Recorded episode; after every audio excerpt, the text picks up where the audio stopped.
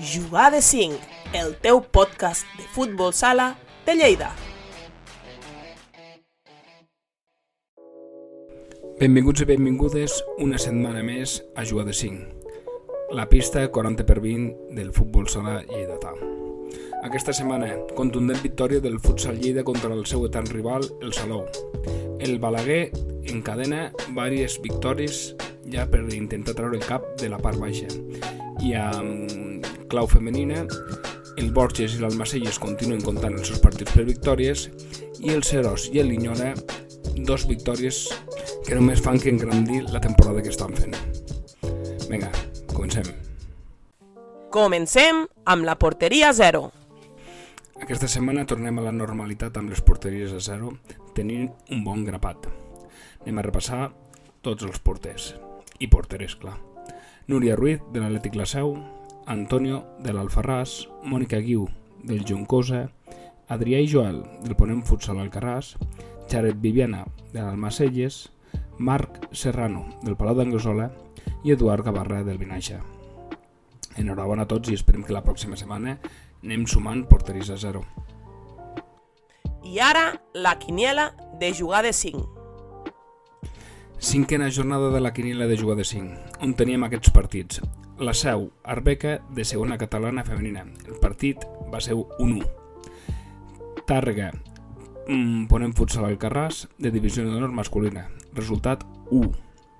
I Pardinyes, Reus, de primera catalana femení. També resultat 1.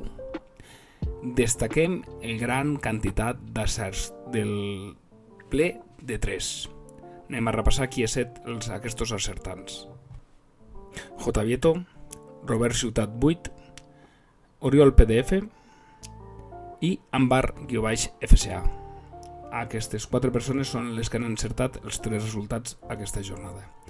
Repassem una mica la classificació i tenim a J. Vieto 8 amb líder amb 19 punts, seguit de l'Oriol, guió baix PDF, amb 16, Jordi Pumpiti, 88, amb 13 els mateixos que l'Ambar, guió baix FCA, i per últim, cinquè, Rafa Coloc Aitos, amb 11 punts.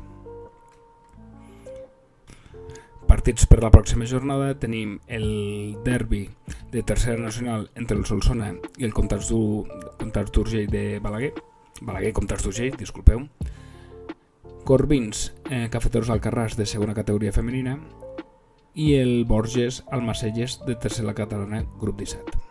Així que si voleu participar escriu el resultat al post d'Instagram i jo us eh, apuntaré el resultat. Tercera divisió, grup 18. Com sempre, comencem amb tercera catalana, grup 18, on el líder, el Palau d'Anglesola B, es va marcar un festín de gols, 6-0 contra el Peramola. De més resultats, Miralcamp 6, Trem 5, Agramunt 1, Àger Deportiu, Montsec D 3, Alamús 2, Atlètic Sau 2. Aquest cap de setmana van descansar l'Anglesola i el Solsona no va jugar per la retirada de la Sentiu. Classificació, com ja hem dit, Palau d'Anglesola B, líder amb 28 punts, seguint del Miralcamp amb 23 i tercer el Solsona amb 24. Per baixa tenim a l'Anglesola B i a l'Agramunt B, tots dos conjunts amb 3 punts. Màxim golejador de la categoria i grup, Pau Giner, del Palau d'Anglesola B, amb 25 dianes. Tercera divisió, grup 17. Passem a tercera catalana, grup 17, on el líder, el Torreferrera, perdia el seu partit en visitar la pista de la, del Ponent Futsal Alcarràs B per 3 a 0. Això converteix el Ponent Futsal Alcarràs segon amb 29 punts a un del líder, però això sí, amb un partit menys. De més resultats tenim Benavent 2, Arbeca 3, Alfarràs 5, Cafeteros B 0, eh, Templers 1, Vinaixa 5 i Torres de Segre B 2, Borges 1. Aquest partit va ser la primera victòria que aconsegueix a la temporada el Torres de Segre B. Classificació tenim, com hem dit, líder Torreferrera amb 30 punts, seguit del Ponent Futsal Carràs B amb 29 amb un partit menys i tercer tenim l'Alfarràs amb 25. Aquesta jornada no tenim la crònica de l'Almacelles B de Gerard Lladó perquè ha descansat i ocupa la quarta posició. Part baixa, com ja hem dit, Torres de Segre ha aconseguit la primera, Torres de Segre ha aconseguit la primera victòria i ja té 5 punts i últim tenim el Templers amb un punt. Més moguda tenim la taula de golejadors d'aquest grup, on Sayan Jiménez de l'Alfarràs torna a recuperar la primera posició amb 15 dianes. Segona divisió catalana. Pugem un esclau més i ens plantem a segona catalana, on el líder, el Fonollosa, tornava a guanyar 5-2 contra el Serós. Aquí faig un, una pausa i tinc que donar-li les gràcies a l'Oriol Duo Castella, que està de viatge a Gràcia i encara així ens envia la crònica. Moltes gràcies i, sobretot, donar-li les meves disculpes a la teva xicota. Bé, doncs aquest cap de setmana passat vam rebre a casa eh, el Serós, un rival que ja sabíem que seria molt complicat perquè mirant una mica els seus darrers partits doncs, eh, és, un, és un rival que es trobava a la part alta de la classificació i que a més a més doncs, tret d'un partit que li van penalitzar una alineació indeguda si no hagués estat segon classificat de la Lliga, o sigui que ens, ens el van prendre molt, molt seriosament al partit i des d'un bon inici ens vam sentir molt incòmodes en pista amb un rival doncs, que es va posar a jugar a casa nostra de 5 des del primer moment amb tot el risc, òbviament, que això comporta per ells, però, però bueno, et xoca no? des d'entrada.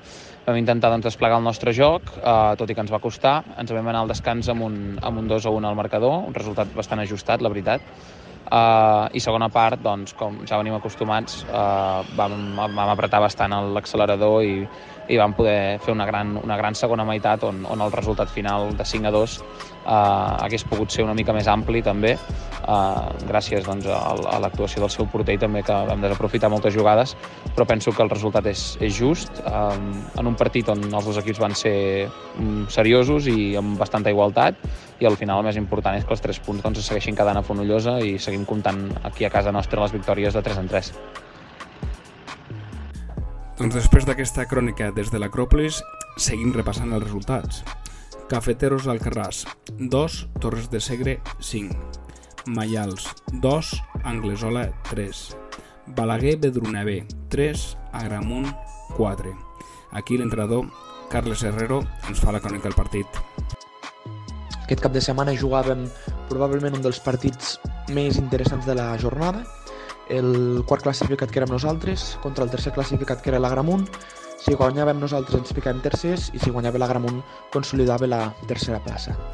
Nosaltres plantejàvem el partit eh, defensant a mitja pista i cedint la iniciativa a l'Agramunt, bàsicament perquè jo crec que anàvem amb una banqueta una mica justa per a poder afrontar aquest tipus de partits competint al 10.000% i els primers minuts evidentment doncs, van ser una mica de la gramunt, va tenir les seves ocasions, nosaltres, el nostre porter va estar bastant bé i quan nosaltres teníem la pilota doncs, evidentment l'objectiu era fer-la durar i intentar crear perill i així va ser com ens vam avançar al marcador.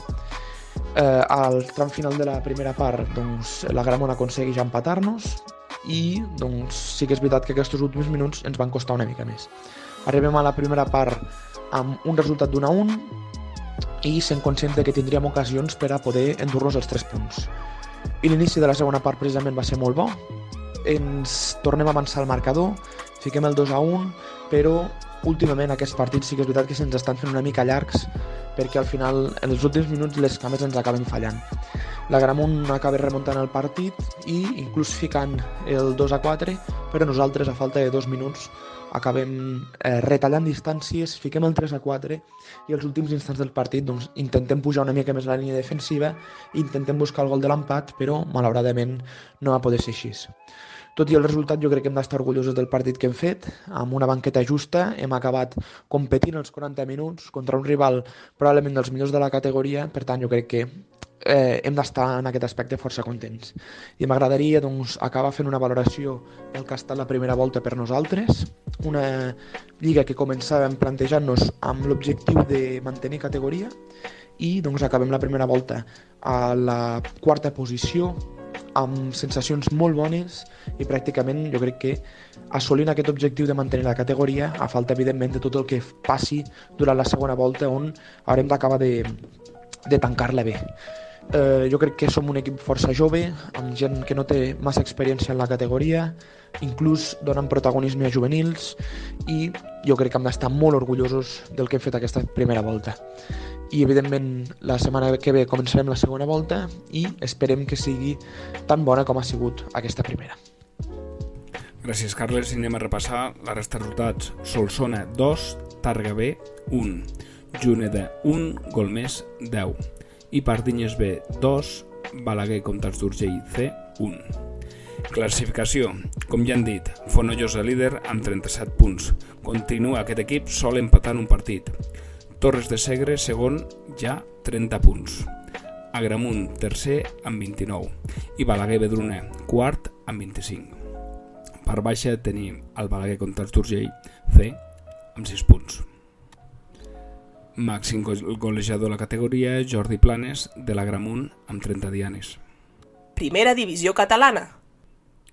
Tornem a pujar un esglaó i ens plantem a primera catalana, on tenim el Palau d'Anglesola intractable que va guanyar 5 a 2 contra el Borges. Anem a repassar resultats. Llar de Can 7, la Sentiu 4, Castellfollit Rubregós 10, Vilassana 4, es va suspendre el Pardinyes Balaguer contra els d'Urgell B, Cervera 3, Bellaguarda 3, Balaguer Bedruna 3, Linyola B 4 i Corbins 3, Atlètic La Sau 5. Classificació, com ja hem dit, líder Palau d'Anglesola amb 37 punts, seguit del Castellfollit, Riubregós amb 28, tercer Atlètic La Seu amb 27. Per baixa tenim el Corbins, que encara no ha puntuat aquesta temporada. Màxim golejador de la categoria, Daniel Rodríguez, el nostre amic del Palau d'Anglesola, amb 25 dianes. Divisió d'honor. I tornem a pujar un esglaó, Divisió d'honor, on el Vinyols torna a recuperar el liderat. Aquest cap de setmana va guanyar 9 a 4 a l'Almacelles. Resta resultats, Fraga 2, Riu de Canyes 3, Tàrrega 9, Ponent Futsal Alcarràs 6, Baró de Mallols 2, Mediterrani 2, Reus 5, Amposta 8, Huracans, Huracans Puertas Luz 1, Maristes Montserrat 4 i Roquetes 6, Futsal Baix 4. Classificació, líder Vinyols amb 30 punts, seguit del Tàrrega i el Baró de Mallals amb 29. Per baixa tenim l'Almacelles, restaurant La Parrilla, amb 9 punts penúltim. Màxim col·legiador de la categoria, José Manuel Lorenzo del Tàrrega, amb 20 dianes. Tercera divisió nacional. I ara sí, arribem a tercera nacional, que és el top de les categories del futbol sala lleidatà, on el líder, el futsal Lleida l'Amsauto, donava un cop d'autoritat guanyant 4-1 contra el seu etern rival, el Salou. Pol Barrot ens fa la crònica d'aquesta victòria. Crec que el partit de Salou va ser, va ser bo en tots els sentits, eh, en el sentit de joc, en el sentit de, de cohesió de grup, en el sentit de, de seguir sumant punts de la classificació i sobretot de, de veure com estava el pavelló el, el dissabte a les 9 a les 9 de la nit, la veritat que, que feia goig estar a la pista, eh, no hi cabia ningú, la part de, de darrere la porteria estava, estava plena i, i a més a més doncs, bueno, nosaltres oferint un bon joc, eh, dominant gairebé totes les facetes del joc, malgrat el 0-1 ens vam ficar ràpidament eh, a, vam tornar al, al, a l'empat ràpidament i, i després doncs, el gol de l'Iñaki no ficar 2 a 1 i gairebé eh, tres quarts del partit vam, vam estar amb 2 a 1 eh, després bé amb el, amb el porter jugador eh, el vam defensar molt bé i, i crec que en defensa per, per tota aquesta estona vam estar molt, molt sòlids la veritat que, que tot l'equip està molt content eh, molt satisfets del treball i, i bueno, ahir jugant la Copa Catalunya també vam guanyar i ara anem per Sant Joan d'Espí que, que és un rival que no hem de, no hem de menyspreciar perquè la veritat que van quarts per alguna cosa o sigui, anem per totes ja per, per tres punts al, a l'11 de setembre. Un altre equip que surt content del cap de setmana és el Balaguer contra Turgell. Amb la seva victòria 3 a 2 contra l'Andorra, comença a treure el cap de la part baixa. Gerard Viola, l'entrenador, ens fa la cònica del partit.